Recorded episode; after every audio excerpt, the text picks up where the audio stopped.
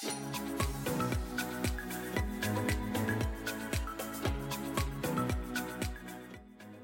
og velkommen til en ny episode av Milespodden. I dag skal vi snakke om et tema som jeg kjenner relativt eh, lite til. Det skal handle om eh, smidig. Og jeg tror jo at alle har hørt om begrepet smidig og forstår hva det handler om. Men dette er jo mye mer enn bare et begrep. Det er et omfattende fagfelt.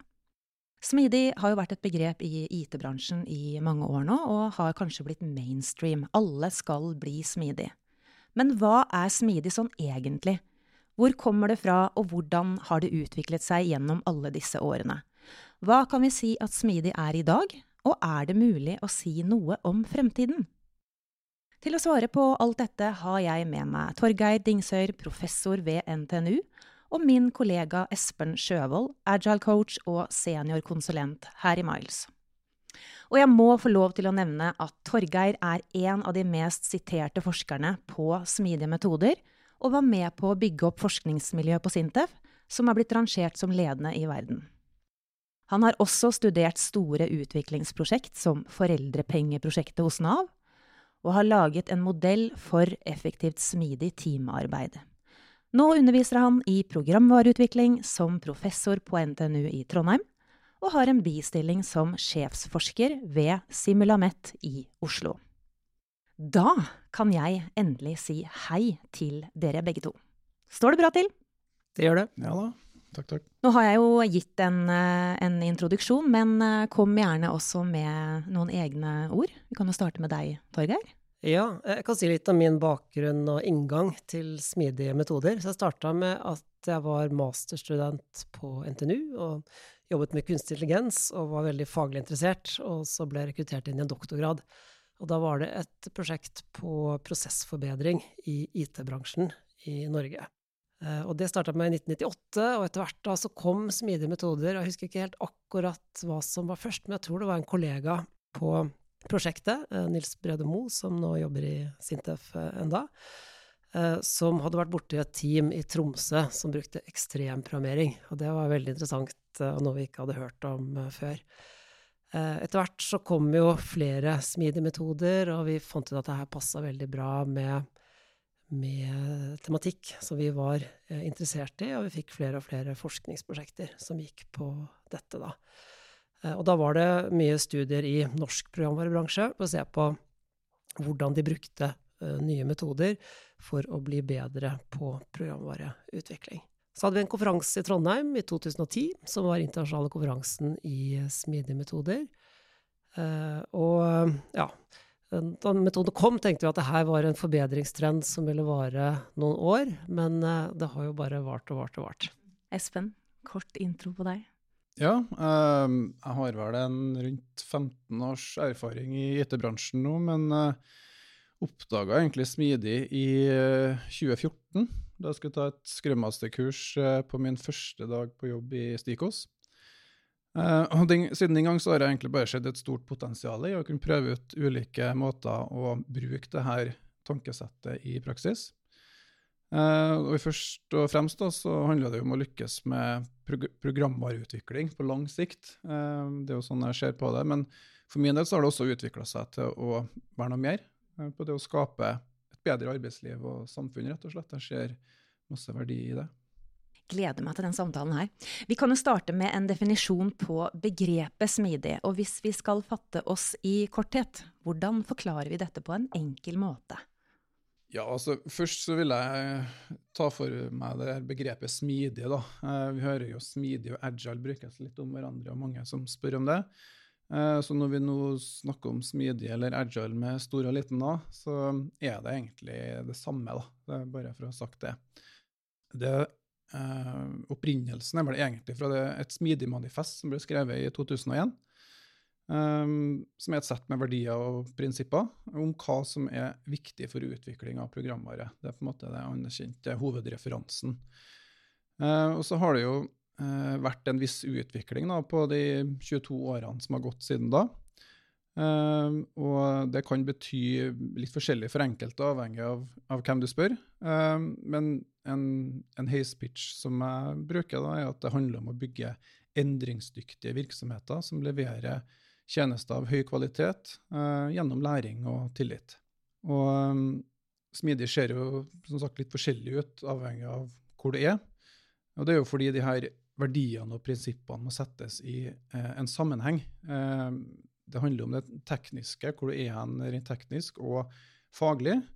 Det handler om markedet, sektorer, altså kontekst. da.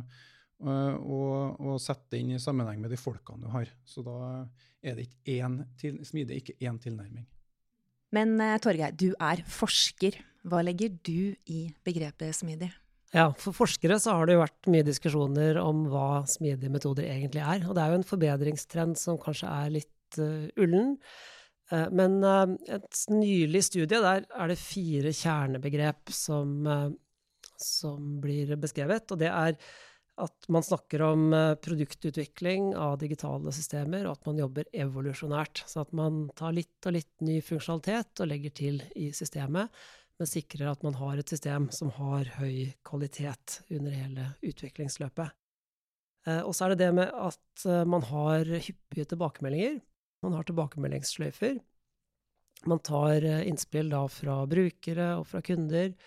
Eh, man kjører tekniske tester på systemet veldig ofte, sånn at man da vet godt hva som er status på produktet man lager.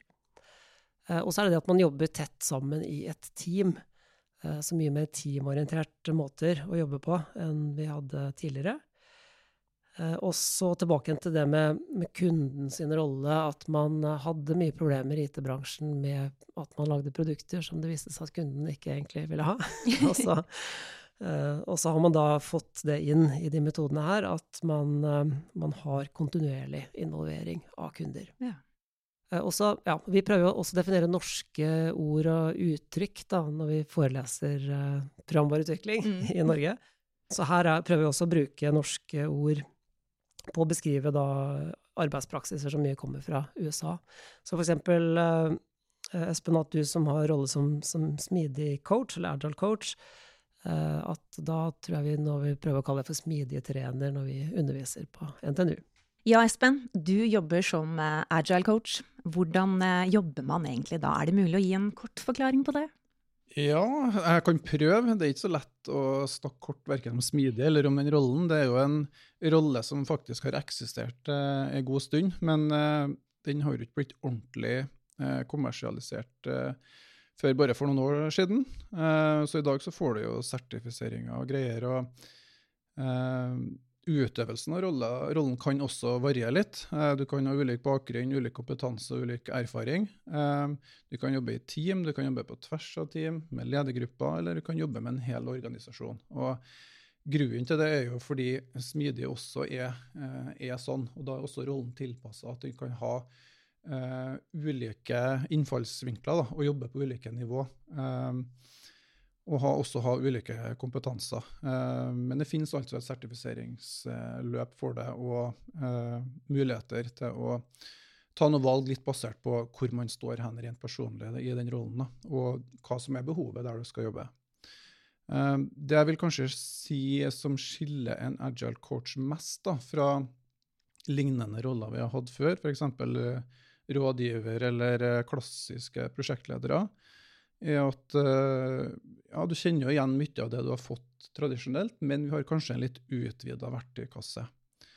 Eh, vi har også en nøytralitet som andre kanskje ikke har, i form av sin rolle og sin posisjon. Vi har jo gjerne ingen administrative oppgaver, personalansvar eller kommersielle oppgaver da, som vi ser ofte stjele tid og mulighet fra å gi team den støtta de fortjener og trenger. Eh, og det å kunne jobbe med eh, systemiske og kulturelle utfordringer i hele organisasjonen. Og vi har egentlig ingen annen agenda enn å bygge så mye varig kvalitet inn i alle ledd, til vi til slutt blir overflødige. Men bare ut fra hva dere har sagt nå, så er det jo ingen tvil om at det her er et eget fagfelt, som jeg sa innledningsvis. Men hvor kommer smidig fra? Hvordan, eh, hvordan har det utvikla seg? Jeg nevnte jo dette med eh, manifestet i 2001. Eh, det var jo en, en gruppe teknologer i USA som kalte seg Agile Alliance, som i kjølvannet av dotcom-bobla og store mislykka prosjekter som leverte programvare med svært lav kvalitet, mange feil, eh, man sprakk på frister og budsjett, og skjønte at de metodene vi bruker for dette, her, det funker ikke, vi må gjøre det her på en annen måte. Så de satte seg sammen og definerte manifestet da, som nevnt er er noen verdier og prinsipper. Og så er det også andre eh, tema i historisk perspektiv som vi ser som viktige. Eh, sånn helt kort så kan jeg jo nevne taylorismen på godt og vondt, som handler om eh, eh, vitenskapelig ledelse. Og produksjonssystemet til Toyota, som mer populært har blitt kjent som, som Lean etter hvert. Eh, og så vil jeg også trekke fram arbeidet som ble gjort rundt eh, arbeidsmiljøloven som kom i 1977. Det, det er tre eh, ja, hendelser i historisk perspektiv som jeg mener er viktige for bakgrunnen for ting som er viktig for oss når vi jobber med, med smidig. Litt mer i moderne tid, da, hvis vi tar for oss 2001, så er det jo som nevnt eh, skjedd ting siden den gang òg. I starten så, så du jo at eh, det, det, gikk i større grad fra å være tidsbegrensa prosjekter til å være som da skal overleveres til drift, eh, eller linjer, som man sier til mer kontinuerlig utvikling. Um, der kompetansen i størst mulig grad skal bevares i teamet gjennom hele levetida til produktet og tjenesten. Det har vært en, en bevegelse hele veien i den retningen. Da. Og så har det også utvikla seg vil jeg si, fra noe som man så på som bare skulle skje i utviklingsavdelinga eller i IT-avdelinga, til at vi nå kanskje ser i større grad at hele organisasjonen uh, blir sett på som et produkt. Da. Man ser på alle ledd i, i hvordan en, en, organisasjon påvirker IT-utvikling. Også tverrfaglige team har også vært en, en klar uh, trend underveis, der man tidligere jobba i spesialiserte team, kanskje komponentteam. så har man i større grad jobba tverrfaglig satt eh, flere faglige faggrupper sammen da, til, å, til, å, løse utfordringer sammen. Og tillitsbasert ledelse er kanskje det siste jeg kan nevne, som må ha vært en tydelig trend der vi må ha med ledelsen på riktig måte for å få til det her. da. Altså for, for, forskning så kan jeg si litt om det, hvordan det utvikla seg der. Så I starten så var det jo at dette var metoder foreslått av praktikere. Men folk stilte seg spørsmål som er dette effektive måter å jobbe på? Og noen forskere mente at det her funker bare på Mickey Mouse-prosjekter, så små prosjekter. Lage en webside eller en, eh, en, enkel eh, nettbutikk. Eh, men etter hvert så, så ble det en, en, god del empiriske studier av hvordan man gjennomførte IT-prosjekter med disse metodene. Og i starten så var det jo da metoden ekstremprogrammering som mest kjent. så Kent Beck kom med en bok om det i 98 eller 99, så at, at det var liksom første metoden som kom. Og så kom Scrum etter hvert som en metode som, som ble veldig populær, og som ennå nå ser ut til å være den mest brukte metoden eh, globalt. Det var et, eh, et, viktig studie som kom i 2004, og det var et studie av et ekstrem programmeringsteam i Storbritannia som viste at jo, det går an å lage høykvalitets eh, IT-løsninger med å jobbe på disse måtene her. Uh, og så hadde vi, uh, da jobba jeg i Sintef uh, seinere, da gjorde vi et litteraturstudie som gikk gjennom det som var empiriske studier på smidemetoder. og da fant vi mange positive funn rundt at dette det går an å jobbe sånn. Ja. at det har en god del positive effekter, og at folk som, uh, som, har prøvd de metodene, enten de er studenter eller er utviklere eller er kunder, de ønsker ikke å gå tilbake igjen til gamlemåten å jobbe på. Eh, men etter hvert så har det blitt mange forskjellige temaer som har vært undersøkt i forskning eh, også. Og i og med at, at Smidig starta som praksiser i utviklingsteam, har blitt mer og mer fokus på et tankesett. Så, så, med det, og at man også har gått fra å, å, se på enkeltteam og praksiser i team, til å se på store prosjekt og større organisasjoner. Men dette med forskning, da. Det, det å kunne forske på smidig, det er jo noe jeg ble nysgjerrig på når du sa at du hadde gjort det. Fortell litt om det. Ja, så jeg kommer jo fra et miljø som gjør empiriske studier. Og da er vi jo interessert i å, å følge gjerne utviklingsprosjekt og se på forskjellige aspekter. Jeg tenker at det som, det som forskere kan bidra med, er jo at det fins allerede masse praksisbaserte råd. Uh, og, og mesteparten av det er nok gode råd, men de rådene er jo laget i en eller annen kontekst. Eh, så det å undersøke mange forskjellige kontekster og se holder disse rådene da, eh, og kombinere da eh, råd med, med, det vi vet fra studier fra andre felt, det tenker jeg kan løfte bransjen. Og, og ja, så eksempler på studier som jeg har vært involvert i, det har jo gått på, på teamarbeid i starten. At vi så at mange utviklingsteam de sleit med å gå fra å jobbe mer individuelt til å jobbe sammen som et team. Så det har vært et, et tema eh, i studier fra Norge, og, og, mange studier også internasjonalt. Eh, senere så, så, har jeg mest jobbet med store IT-prosjekter. For det, i starten tenkte man at de metodene her de passer på små prosjekt hvor man sitter samlokalisert i et lite team, eh, og man lager programvare som ikke er sikkerhetskritisk. Eh, så etter hvert så har det jo blitt fokus på Ja, men det går kanskje an å jobbe sånn også i internasjonale, globale prosjekt. Det går kanskje an å jobbe sånn i sikkerhetskritisk utvikling. Eh, også har jeg spesielt sett på store IT-prosjekter, hvor du da har mange utviklingsteam. Eh, og sett ok, hva gjør man, eh, ja, hvilke deler av metodene bruker man, og hva legger man til for å håndtere den type programvareutvikling. Tilbake til utviklingen da, av Smidig. Hva er de viktigste forskjellene fra tidligere og til dags dato? Tenker da på, på begrepet smidig og selve forståelsen av fagfeltet. Ja, tidligere, da, ehm, ja, og dessverre kanskje i altfor stor grad fortsatt, så ehm, så man eh, på det som prosjekt og produksjon. Eh, og derfor så brukte også prosjekt- og produksjonsmetoder. Det var noen av de her metodene da, som man i 2001 så ikke funka. Eh, og grunnen, litt av grunnen til det er jo at det er svært liten grad uh, av gjenbrukbarhet, uh, om noe i, i hele tatt. Uh, og så ser vi at teknologi og brukervaner endrer seg raskt. Det er store forskjeller på folk og kontekst, som jeg nevnte tidligere. og så er problemstillinga ofte svært kompleks. Vi må prøve oss frem nesten hver gang når det er noe nytt vi skal lage. Så det er egentlig blitt litt mer som forskning og utvikling. Uh, vi ser eh, budsjettløse virksomheter, f.eks., for eksempel, fordi de klarer ikke å, sette budsjetter som, som holder. så da kutter man det ut, og da finnes det måter å gjøre det på. vi ser også diskusjoner i det offentlige om grunnfinansiering, fordi man ønsker å ha mer kontinuerlig fokus på utvikling. Og så um, ja, nevnte jeg jo dette med at du tidligere så på det som løft, eh, mens du nå kanskje snakker mer om å levere kontinuerlig verdi. Mm.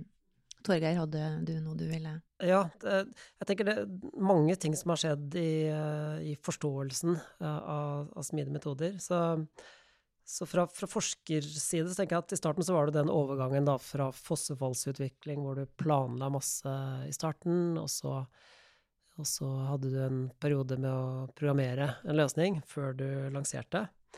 Eh, så det å da få inn et nytt eh, tankesett, men at man starta mye gjennom nye arbeidspraksiser, og så var det eh, en overgang til å, å nå nye grupper med at ok, nå jobber de fleste programvareutviklerne på den måten her, men hva med de som er litt utenfor kjerneteamet, de som driver med testing, de som driver med, med forretningssiden og skal komme med innspill til hva som skal lages i løsningen? Uh, så etter hvert så har det blitt mer fokus på, på forståelsen av prinsippene uh, rundt smidig. Men noe som er veldig forskjellig, tenker jeg, fra at når man jobba med utviklingsprosesser på 90-tallet, så var det jo Eh, masse råd da, til hvordan man skulle gjøre utvikling da også, men veldig kompliserte råd. Mange roller, mange arbeidspraksiser. Uh, mens med smidige metoder så ble det på en måte enkle råd. Så gjør noen få ting, og så gjør det bra. Uh, og det førte nok også til at man faktisk begynte å bruke de metodene i mye større grad enn det man gjorde med de metodene man hadde på 90-tallet. Så jeg tror nok at det har påvirka bransjen veldig, med f.eks. at det er mye mer teamarbeid nå. Det er mye oftere integrasjon av, av de kodesnuttene som forskjellige folk lager i et prosjekt. Du har mye oftere demonstrasjoner av produktet ditt til interessenter. Og at du har fått mer modne eh, organisasjoner da, som tar imot programvareprodukter. Men det er jo stadig nye utfordringer, som, eh, som i store prosjekt, ennå i sikkerhetskritisk utvikling, da, og, og, med nye ting også, som kunstig intelligens og, og det også, ja, og det er jo ikke alltid at det fungerer godt også å ta i bruk smidige prinsipper utenfor de utviklingsavdelingene. Men hvis vi ser på de ulike metodeverktøyene da, for smidig, er det, er det, noen av disse som er verdt å trekke frem hvis uh, noen f.eks. skal i gang med, med et lite IT-prosjekt? Ja, jeg syns jo det her fokuset på metoder og rammeverk kanskje har vært litt overdrevet i bransjen vår. Uh, det å bli enige om ja, når verdier og prinsipper uh, om hvordan en vil ha det, tror jeg er langt viktigere. det kan absolutt også hjelpe å ha en visjon og strategi. Mm. Vi, vi, ser jo at folk gjerne ønsker å ha en retning og vite at det er en mening med det arbeidet de gjør, og ikke bare fylle en stillingsbeskrivelse. Og så um, har det kanskje òg vært en, en, trend med de her metodene og rammeverkene vi beskriver, til å ja, prøve å kontrollere kompleksitet, i hvert fall på de her skalerte rammeverkene. Uh, og kanskje å forutsi det som viser seg å være ganske uforutsigbart. Uh, og så får du kanskje ikke heller helt bukt med de gamle tankesettene som holder oss litt tilbake fra å utnytte potensialet som, som ligger i det her. Da. Så, så, da er det dette med å prøve å bli mer autonom og kanskje få målstyrte team, som har vært en, en trend. eh, Der en, et rammeverk absolutt kan være en nyttig start, men man må også ha med seg verdiene og, lære seg det her tankesettet. Uh, så jobber man mot å få ta ned kompleksiteten gjennom å, å fjerne avhengigheter. Og det trenger vi for å kunne kort, ha korte beslutningsveier og korte feedback-looper. og jeg tror også det handler ja, litt om det evolusjonære perspektivet. Da. Altså, som mennesker så er vi jo vant til å kommunisere i relativt små grupper. Uh, og også ganske korte geografiske avstander. Så vi er egentlig litt på vei tilbake til det. At vi innser at vi klarer ikke å håndtere den enorme kompleksiteten ved at titalls team, hundrevis av mennesker skal kunne kommunisere daglig. Det går ikke.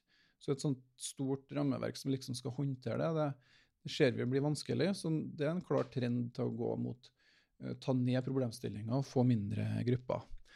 Men eh, ja, siden du spør om metoder, så er jo noe jeg, kanskje vil nevne. Da. Eh, og, og, da vil jeg si retrospektiva, som er en åpenbar metode som handler litt om denne eh, læringa som vi kan få mer gradvis.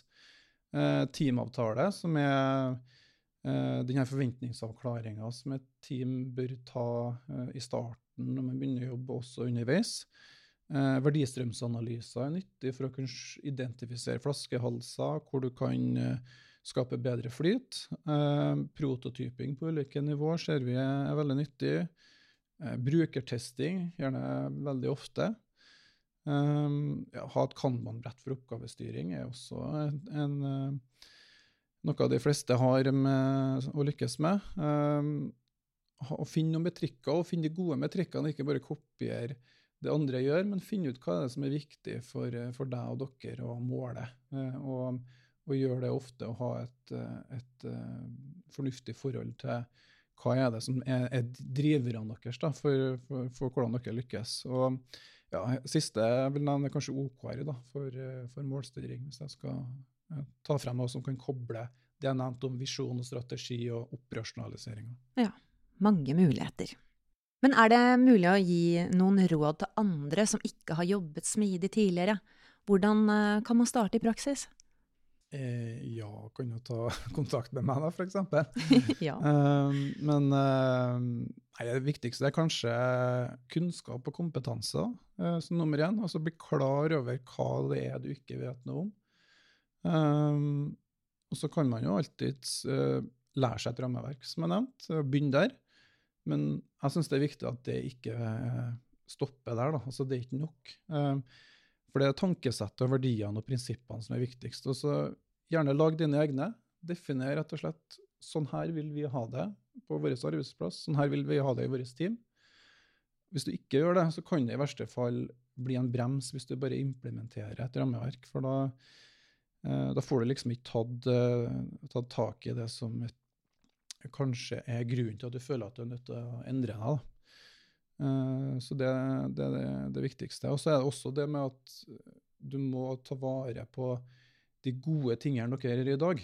Eh, for eh, hvis man bare ja, La oss si du skal begynne med skrøm, da, eh, og begynne med det over natta og snur opp ned på alle eh, møtestrukturer og måten man gjør ting på, hvem som samhandler med hvem, så er det jo bygd seg opp sånn over tid for en grunn. Så det er også masse, masse verdifullt i det man, sånn man gjør det i dag. Så i større grad ta hensyn til de, de gode måtene å, å, samarbeide på i dag, og heller prøve å finne ut hva er det vi bør endre på. Det tror jeg er veldig bra råd. Fra forskning så vil jeg si at, at det er viktig å tilpasse arbeidspraksisene til den konteksten man er i. Og, og sånn som retrospektiver, som du nevnte, Espen, det er jo en veldig fin måte å, å snakke sammen i teamet. At man setter av tid til refleksjon. Og tenk at det med læring er jo veldig viktig, ikke bare i IT-bransjen, men i veldig mange bransjer i dag hvor det er store endringer i, eh, i, eh, ja, i teknologien man bruker, enten man driver med utvikling eller ikke. Eh, og også i, i konteksten forretning opererer i. Så, så det å ha fokus på okay, hvilke utfordringer er det vi opplever i vår arbeidssituasjon, og hvilke hvilke ting i den verktøykassa er det som kan hjelpe oss eh, med det? Eh, det tenker jeg er det viktigste det rådet eh, å gi. Og historisk så har det vært at Scrum f.eks. er en sånn metode som er ganske enkel å komme i gang med, og som gir deg ganske mye med rom for refleksjon, litt tid til planlegging. Sånn at den, de rådene du får der, stemmer ganske bra med råd man ville fått fra studiet på teamarbeid, f.eks. Men sånn avslutningsvis, hvordan eh, ser vi for oss hva smidig er i fremtiden? Ja, det, der tenker jeg at uh, nå har jo uh, nå har vi jo mange år med, med, utviklingsmetoder og smidige prinsipper, at det har endret seg da fra team til uh, å tenke prosjekt, organisasjon. Så jeg har nevnt tidligere sånne ting som, som, global utvikling, at det er jo ennå utfordringer i å jobbe ordentlig tett sammen i et, eh, et, kjempestort utviklingsteam, hvis man også er eh, geografisk distribuert.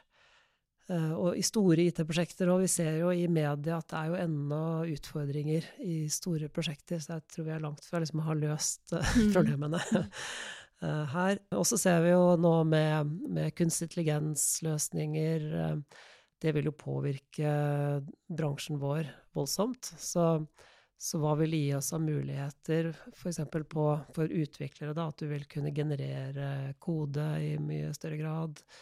Eh, kanskje det er andre oppgaver som kan automatiseres. Eh, men eh, jeg har veldig tro på at det trengs mennesker i dette her. At, det er, at, at disse metodene gir jo støtte til programvareutvikling som en menneskelig aktivitet i starten, og kanskje nå mer sånn kunnskapsarbeid som en, en menneskelig aktivitet. Men, men, pandemien det ga jo også, også nye måter å jobbe på, og nye utfordringer med å få nye ansatte f.eks. inn i, eh, i, team og i, i, organisasjoner. Og så kommer det jo veldig utfordringer også til vår bransje når det gjelder eh, bærekraft. Så nå i, i fjor fikk jo jeg som heter Patricia Lago, som er professor i programvarearkitektur, hun fikk Eh, æresdoktorat på NTNU eh, for hennes arbeid da, innenfor bærekraft på det feltet. Og det er også folk som jobber med da, kravarbeid, som har eh, fokusert mye på å tenke gjennom da, kravene til IT-system for at man skal kunne lage bærekraftige løsninger. Ja, det er jo det menneskeperspektivet som du er inne på, som vi som jobber med smidige kanskje er proponenter for, og som vi ser er den verdien som, eh, som utpeker seg mest. Jeg håper jo det fortsatt blir eh, det vi har mest fokus på i fremtida. Eh, og at det blir retningsgivende da, for at vi lykkes med de tjenestene vi lager, og de, de menneskene som både lager og bruker dem. Eh, og at vi da gjør det ved å lære på veien. Eh, også at vi ikke gjør det som gruppe, for det ser jo fortsatt en tendens til at uh, man på en måte setter sammen og kaller det smidige team, og så drar de oppgaver fra, fra backlog, men så sitter de og jobber hver for seg. Altså det er ikke noe, det er alltid så stor grad av samskaping som de potensielt kunne ha hatt, og som også en, en, kan ha en langt større verdigivende effekt. Altså det håper jeg og vi får mer fokus på. Eh, og så har jeg en sånn personlig også litt mer sånn uh, trua på mer helhet da, gjennom det her, at vi får mer fokus på arbeids- og fritidsbalanse. Vi har jo sett litt tendenser til det etter pandemien. Um, og at vi i tillegg ser mer ting i sammenheng. Da. Det her skillet mellom jobb privat skal selvfølgelig være, er personlig, men at vi ser i hvert fall hvordan ting henger sammen, og tar hensyn til det. Og at vi kanskje da fortsetter også å bidra til å utfordre litt de her tingene som jeg nevnte, holder oss tilbake. Maktstrukturer, gamle tankesett. Eh, få mer rettferdighet og tillit på arbeidsplassen. Eh, vi snakka eh, en del på det i første episoden om tjenende lederskap, som, som er viktig. Og så håper jeg vi kan bli litt mindre sjølsikre på hvordan alt kan løses, og mer åpen for å gjøre og ta feil. Ja, og helt til slutt så tenker jeg òg, som du var inne på, Torgeir, at jeg håper vi i større grad bidrar til løsninger også i et samfunn, så, til å løse samfunns- og, og bærekraftsutfordringer. Ja, som vi kan høre så er det et uh, spennende tema, definitivt. Vi kan snakke veldig mye mer om dette, og det skal vi faktisk gjøre. Vi skal lage en uh, ny episode der vi går litt mer i dybden av uh, arbeidsmetoder og generell praksis. Det er bare til å glede seg. Men da gjenstår det bare for meg å si tusen takk for praten, begge to. Tusen takk skal du ha. Tusen takk.